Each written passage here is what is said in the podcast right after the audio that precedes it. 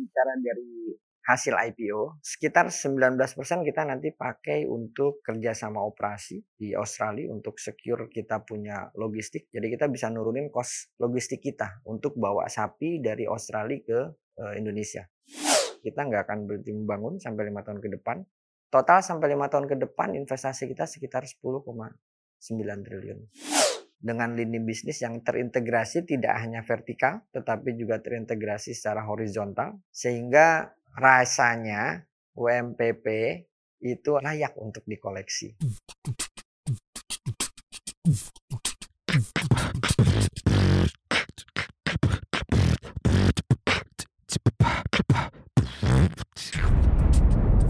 Cuap-cuap cuan. Halo Sobat Cuan, ketemu lagi di Cuap-Cuap Cuan di segmen interview kali ini bersama Loria dan ada yang spesial kali ini sebab biasanya kan kita kan di studio Cuap-Cuap Cuan nih. Sekarang kita on location karena kita mau ngomongin yang spesial banget yaitu bisnis peternakan gitu ya. Jarang kan kita ngebahas soal peternakan daging-dagingan gitu ya. Tapi ini mungkin jadi pelajaran baru nih buat Sobat Cuan karena kita bakal bongkar habis gitu ya soal peternakan dan pada saat ini kita sudah bersama dengan Mas Eko Akmi Andriana selaku Direktur Keuangan Widodo Makmur Perkasa. Apa kabar Mas Eko? Baik, Mbak Luri, gimana kabarnya? Baik. Ini kita mau bongkar soal bisnis peternakan nih. Dibongkar. Nah, dibongkar, dibongkar sampai habis gitu ya. Nah, kan Widodo Makmur Perkasa ini kan sudah memulai bisnis peternakan hmm. uh, dari tahun 95 ya, kalau nggak salah. Iya, ya. 95. 95 dan sudah 26 tahun. Lama banget kan itu ya. Nah, itu rahasianya apa sih, Mas? Ya, Widodo Makmur ini memang dimulai waktu itu bisnis keluarga di kampung halamannya Pak Tumiana di daerah Klaten. Mulainya dulu trading sapi terus berkembang kemudian berdirilah Widodo Makmur di 2003 kemudian eh, kapasitas eh, produksi terus bertambah. Di 2006 kita mulai mengoperate peternakan sapi terintegrasi di Cianjur. Sekarang dioperasikan oleh salah satu anak perusahaan di eh, di bawah UMP yaitu PT Pasir Tengah. Sekarang kapasitas produksi sapinya 172 ribu ekor per tahun. Wow. Nah itu yang terbesar tuh di Indonesia. Mm-hmm. Bukan kata saya tapi kata Frost and Sullivan. Oke, okay. nggak mau ngeklaim sendiri Enggak. gitu kan? itu kata market research yang bikin, bukan kita. Terus kita konsisten di bisnis food ini di 2013 kita masuk ke sektor meat processing. Mm-hmm. Saat ini kita punya pemotongan sapi modern dengan standar uh, internasional yang terbesar juga, bukan kata saya juga, itu kata market research. Nah itu di bawahnya meat processing tuh, mm-hmm. ada sosis, bakso sampai ke penyamakan kulit. Kemudian di 2014 kita mulai masuk ke uh, komoditi sektor. Kita sekarang punya rice mill, kapasitasnya 50 ribu ton per tahun. Dia juga support untuk kebutuhan uh, bahan baku pakan di internal. Oke. Okay. Nah, kemudian kita punya construction itu buat uh, support capex kita. Nah, di 2017 kita mulai masuk. Nah, kalau sobat cuan taunya uh, WMUU. Nah, hmm. itu mulai di 2017 tuh. Peternakan unggas terintegrasi. Nah, kemarin di awal 2021 kan udah uh, go public WMUU-nya. Mudah-mudahan insya Allah kan uh, sebetulnya yang WMP ini juga sudah listing di Desember 2021. Yeah. Namanya WMPP. Insya Allah sukses juga Amin. untuk sobat cuan semua. nah itu udah dikasih bocorannya ada WMU, ada WMPP gitu ya. Bukan promosi ya sobat cuan ya, oh, tapi promosi. ini bukan promosi tapi jualan. jualan. Oke, okay. ya, jadi ya. kan tadi Mas Eko bilang nih ternyata uh, hmm. sudah sudah beranak pinak gitu ya, hmm. sudah ada lima lini bisnis, hmm. ada yang peternakan sapi, ada yang peternakan hewan, ada yang pakan ternak gitu ya. Nah, eh, tadi sempat yang menarik tuh disampaikan ada soal energi, hmm. ya, dan ini terintegrasi. Gimana sih pengimplementasiannya? Ya, um, kita punya rencana ke depan cukup besar, baik itu secara bisnis gitu ya, tapi juga kita tidak lupa terhadap ESG. Mhm. So kita punya konsep integrated farming yang dimulai dari peternakan sapi, peternakan ayam, kemudian nanti kita akan bangun uh, corn plantation di mana limbah dari peternakan akan menjadi fertilizer untuk di corn plantation. Cornnya sendiri akan menjadi bahan baku pakan untuk di peternakan ayam. Limbah cornnya itu akan menjadi bahan baku pakan di untuk di sapi. Kemudian hasilnya dari peternakan akan diolah di meat processing. Nah, seluruh fasilitas produksi kita itu akan kita uh, develop solar panel. Dengan pembangunan solar panel itu kita akan menurunkan cost energi sampai ke 30%. Nah, begitu juga dengan pemanfaatan biofertilizer tadi. Nah, secara uh, harga jagungnya harga pokok jagungnya akan turun juga sekitar 25%. Secara umum untuk kita akan menjadi lebih efisien. Nah, tapi jagung itu nggak semua juga kita ambil dari corn plantation. Kita akan ambil dari community itu sekitar 40%. Jadi hanya 60% yang disupport dari corn plantation sendiri. Itu udah jadi satu circular ekonomi sendiri. Biar cuma Jadi 60% persen tapi hebat dong itu Ya, ya. Berarti kita mayoritasnya ambil dari milik sendiri kan. Hmm. Mm. Gitu. Oke, sampai ampas-ampasnya juga dipakai loh sobat cuan ya. Jadi nggak boleh ada yang apa mubazir gitu ya. Iya, sekarang kan udah zamannya green energy. Mhm, Oke, mungkin kalau sobat cuan nih mulai ada kayak tergelitik tertarik gitu. Aduh, ternyata sebenarnya cukup oke juga ya ini bisnis peternakan gitu ya. Mungkin mereka ngebayangin nih sebenarnya bisnis peternakan itu ritmenya seperti apa sih? Ritme di WMP seperti apa sih sehari-hari untuk bisnis peternakan ini? Karena mungkin kan teman-teman atau sobat cuan semuanya juga punya bisnis gitu ya, tapi bisnisnya nggak bergerak di bidang ini gitu. Gimana tuh Mas Eko?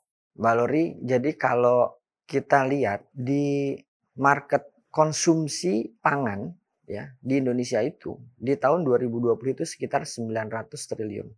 Di 2025 diproyeksikan sekitar eh, 1030 triliun. Itu cuman komoditas pangan yang kita geluti aja tadi daging sapi, daging ayam, telur gitu ya. Itu pertumbuhannya untuk sapi itu sekitar 0,6 konsisten setiap tahun 0,6 persen. Untuk pertumbuhan konsumsi eh, daging ayam sekitar 1,7 persen. Coba bayangin di Indonesia ini kita nih konsumsi per kapita daging kita ini dibandingin negara lain masih rendah banget. Konsumsi per kapita daging itu di Indonesia cuma 2,7 kg per kapita.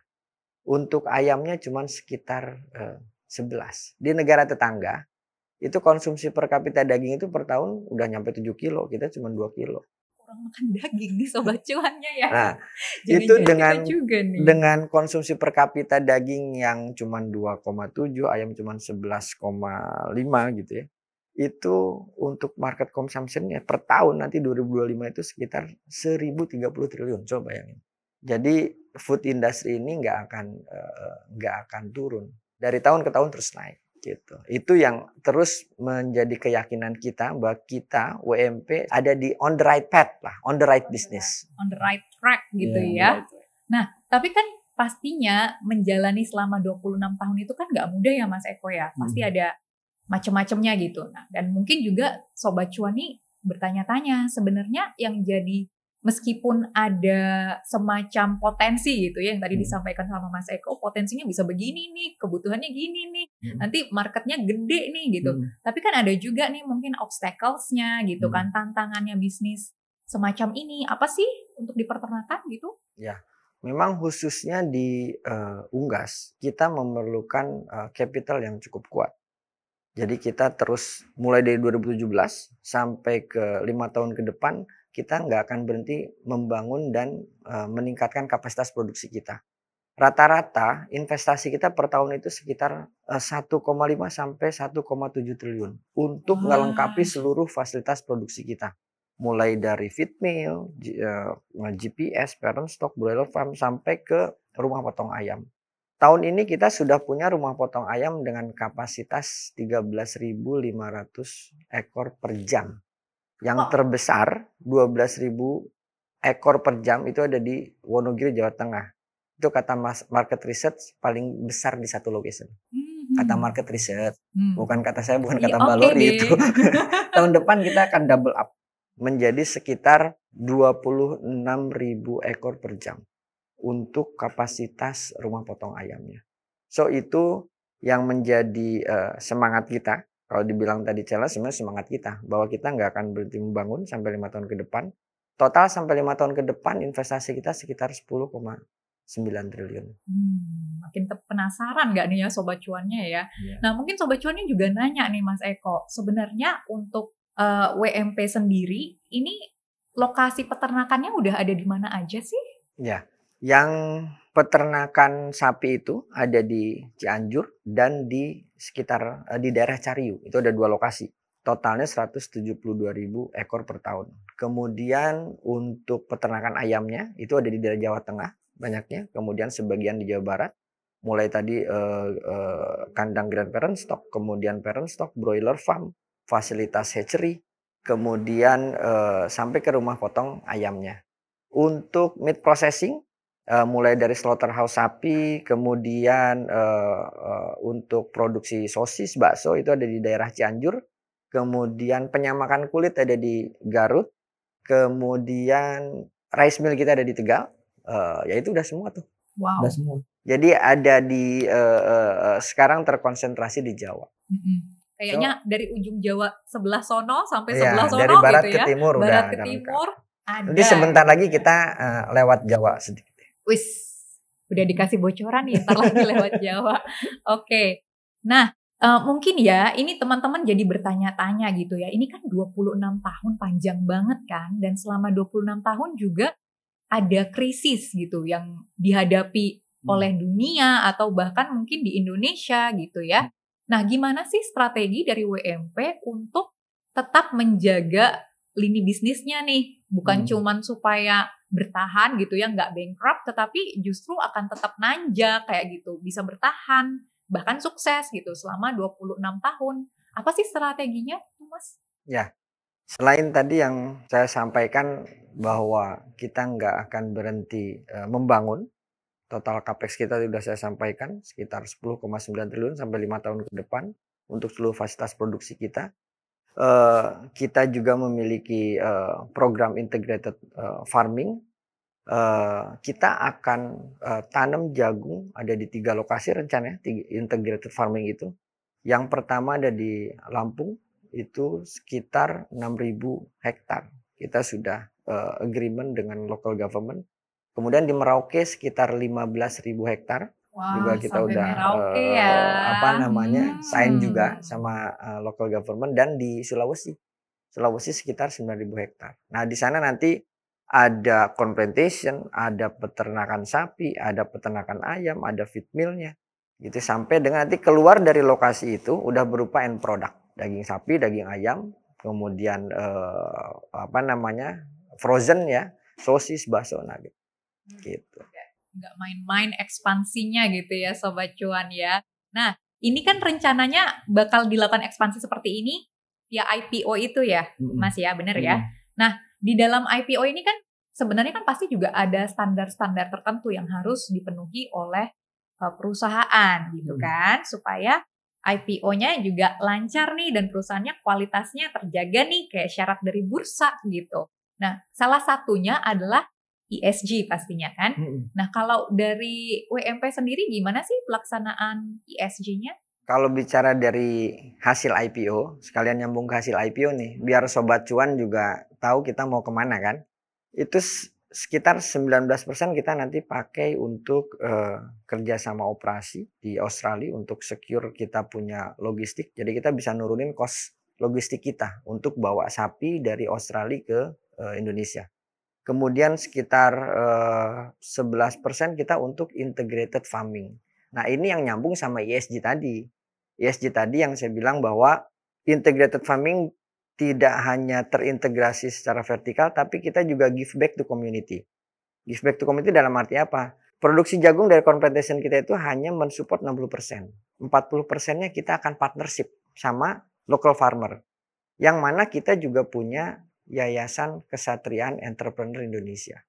Kita akan mengembangkan entrepreneur-entrepreneur milenial. Entrepreneur-entrepreneur muda yang akan bekerja sama dengan kita gitu ya. yang akan juga turut mensecure food sector di Indonesia. Oke, ini jadi kesempatan ya Sobat Cuan ya. Gimana Jadi- nih partnershipnya kayak gitu ya? Nah, yang tadi selain partnership juga di fasilitas produksi kita kita pasang eh, green energy atau renewable energy seperti solar panel atau wind power untuk di daerah-daerah yang di remote area.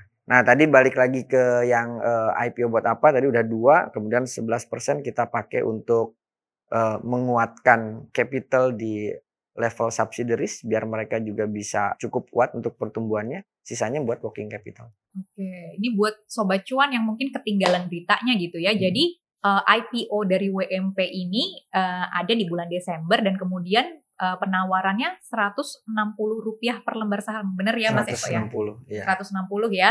Dan kemudian ini mungkin di saat Sobat Cuan ngelihat ini nih sudah IPO. Jadi kalau misalnya ternyata Sobat Cuan ketinggalan bisa sambil dicari-cari tuh di bursa. Namanya gitu ya. WMPP. WMPP kode WMPP. Kode emitennya ya. Oke. Hmm. Udah kode-kode itu. Ini kode kode keras Kode kali ya. keras. Bukan jualan. Ada disclaimer on, tapi terserah keputusannya di tangan sobat cuan. Nah, ini Mas Eko, mungkin eh, teman-teman tuh juga jadi pengen tahu kalau bagi WMPP sendiri seberapa penting sih ESG itu karena kan ada juga nih perusahaan-perusahaan yang mungkin memenuhi konsep ESG hanya karena demi supaya IPO misalnya atau Hmm. karena oh ya udah soalnya jadi syarat pemerintah sih gitu. Hmm. Tapi kalau dari WMP sendiri gimana? Ya kita nggak bisa bilang itu cuman syarat dari pemerintah kan. Yang tadi saya bilang yang pertama eh, kita nggak bisa mensupport seluruh kebutuhan jagung untuk bahan pak bahan pakan ayam dari semua dari plantation kita. Itu cuma 60%. Yang 40 persennya kita akan ambil dari community, dari petani dan peternak lokal. Saat ini juga kita sudah terus berjalan partnership-partnership untuk plasma eh, baik di eh, peternakan sapi maupun di peternakan eh, eh, ayam. Nah, salah satunya wadahnya untuk para entrepreneur muda, kita juga menyediakan yayasan kesehatan entrepreneur tadi untuk mengedukasi mereka untuk menjadi bisnismen-bisnismen muda yang akan bergerak bersama WMP. Nah, kalau dilihat di hashtagnya kita eh, ada WMP bergerak bersama, itu buat di internal tuh. Tapi kalau untuk eksternal, bergerak bersama WMP. Ai, bergerak bersama lah ya intinya Hashtag ya. bergerak bersama WMP. Oke. Nah, mungkin ini ada teman-teman juga yang sebenarnya sudah pernah bisnis di peternakan gitu ya atau mungkin poultry kayak gitu. Dan kalau seandainya berbisnis di satu tempat dengan tempat lain kan biasanya punya strategi yang berbeda ya. Dan kemudian juga punya dalam tanda kutip obstacle yang berbeda juga nih karena Hmm. situasinya nggak sama kayak gitu. Nah, kan tadi katanya kalau setelah IPO rencananya mau mengembang sampai keluar Jawa. Tadi ada rencana ke Merauke segala, di Hmm. Sumatera juga, di Sulawesi juga kayak gitu. Nah, gimana nih WMP sendiri untuk memastikan bahwa bisnis yang berada di luar zona area nyamannya WMP nih Hmm. bisa berjalan kalau bisa nih bebas hambatan gitu atau kalau misalnya ada hambatan bisa gampang nih untuk mengatasinya. Ya, Pak. Kita ini udah jalan 26 tahun. So secara operasional kalau 26 tahun kan udah udah lama ya. Sebenarnya kalau di masa-masa 26 tahun itu mulai kita sudah mengalami eh, banyak hal.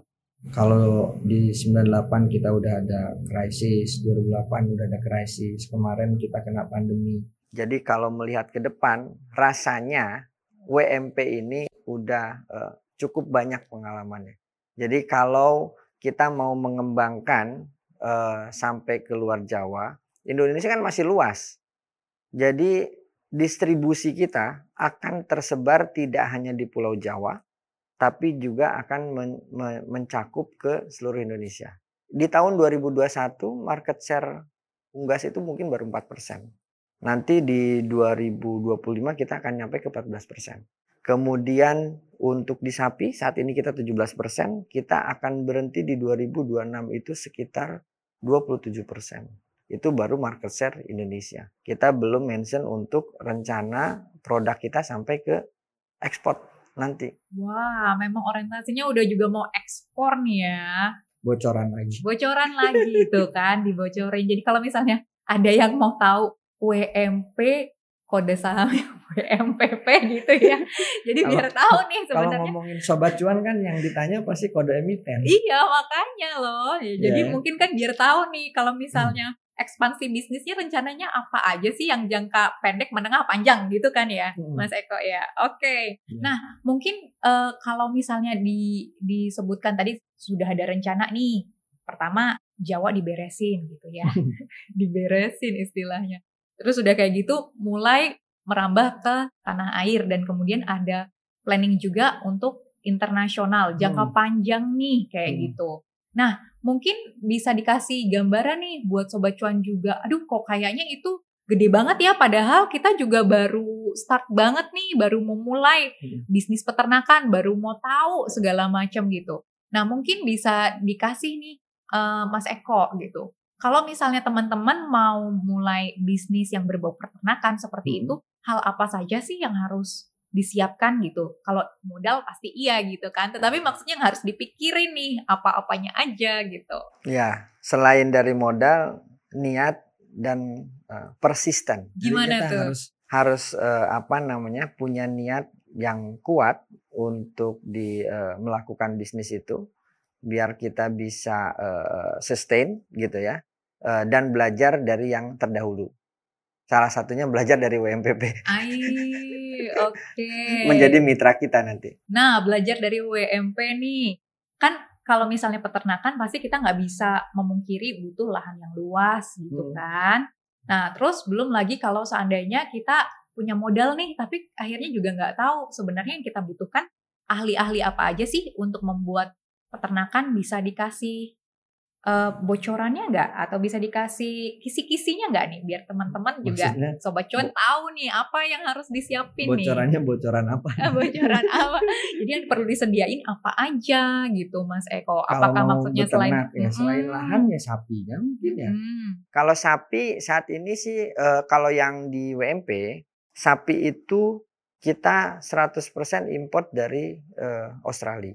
Jadi kita eh, bakalannya sapi bakalan ini kita bawa dari Australia, kemudian kita gemukan sekitar eh, empat bulan baru kita jual. Tapi kalau di eh, di Indonesia sendiri sapi-sapi lokal peternak-peternak itu bisa kita bisa kita eh, lakukan juga untuk menggunakan sapi lokal sebenarnya bisa dari sapi dari Bali, sapi dari NTT gitu ya. Atau kalau berpartnership dengan kita, ya otomatis sapinya nanti dari dari kita. Nah, Hmm. kemitraan ini kita tidak hanya juga eh, memberikan bahan baku, kemudian juga mensupport teknisnya, kita juga menyiapkan atau memberikan link mitra kita dengan perbankan supaya nanti mereka juga dapat sumber permodalan untuk meningkatkan bisnis dia. Dan itu sudah berjalan. Oke. Jadi yang tadinya punya lima ekor sapi kalau mau mengembangkan lebih banyak lagi, nah kita udah linkkan dengan perbankan supaya mereka bisa meningkatkan jumlah sapinya. Oke, jadi sobat cuan tuh ya dikasih tahu ternyata ini bukan yang tumbuh semalam gitu ya. Paling nggak ada waktu tunggu empat bulan gitu ya buat ngelihat hasilnya gitu. Iya. Nah, tapi kalau misalnya nih sobat cuannya ternyata aduh nggak mau bikin lelah-lelah gitu peternakan tetapi langsung aja deh investasi di sahamnya gitu ya. Jadi langsung investasi di di saham IPO-nya kayak gitu segala macem. Nah, hal apa sih yang bisa bisa istilahnya nanti sobat cuan lihat gitu kan bisnis peternakannya WMP ini mau jadiin apa aja kayak gitu? Ya, em, kalau WMPP melihat bahwa eh, di dalam 5-6 tahun ke depan itu di beberapa titik di dunia ini akan mengalami shortage pangan.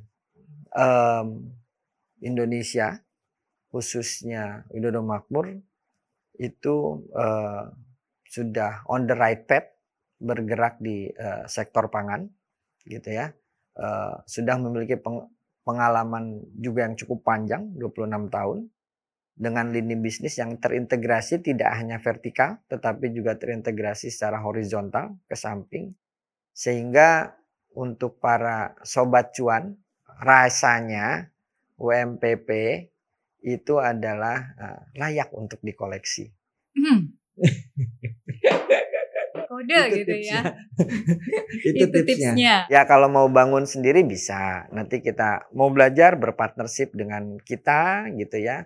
Kita bisa lakukan uh, pendidikan di uh, Yayasan Kesatrian Entrepreneur kita atau kalau mau instan ya bergerak bersama WMPP. Waduh, itu ya tadi ya tipsnya silahkan nih sobat-sobat cuan sekalian dipilih-pilih gitu ya. Iya. Oke, terima kasih ya Mas Eko sudah memberikan insight soal bisnis peternakannya Ya, buat sobat cuan sama-sama. semua. Semoga ini jadi hal yang bermanfaat ya, juga bisa jadi pertimbangan, bisa jadi inspirasi gitu ya buat sobat cuan. Nah, jangan lupa untuk terus dengerin kita di podcast cuap-cuap cuan di Spotify dan juga ada di Apple Podcast, di Google Podcast dan juga di Anchor. Nah, Sobat Cuan juga jangan lupa kita punya channel YouTube namanya Cuap-Cuap Cuan dan juga Instagram kita di follow ya di @cuap underscore cuan. Nah itu dia. Boleh didengerin, boleh di-share, boleh di-like, pokoknya semuanya deh. Supaya Sobat Cuan juga selalu dapat update informasi dari kita setiap minggunya. Oke deh, Lori pamit,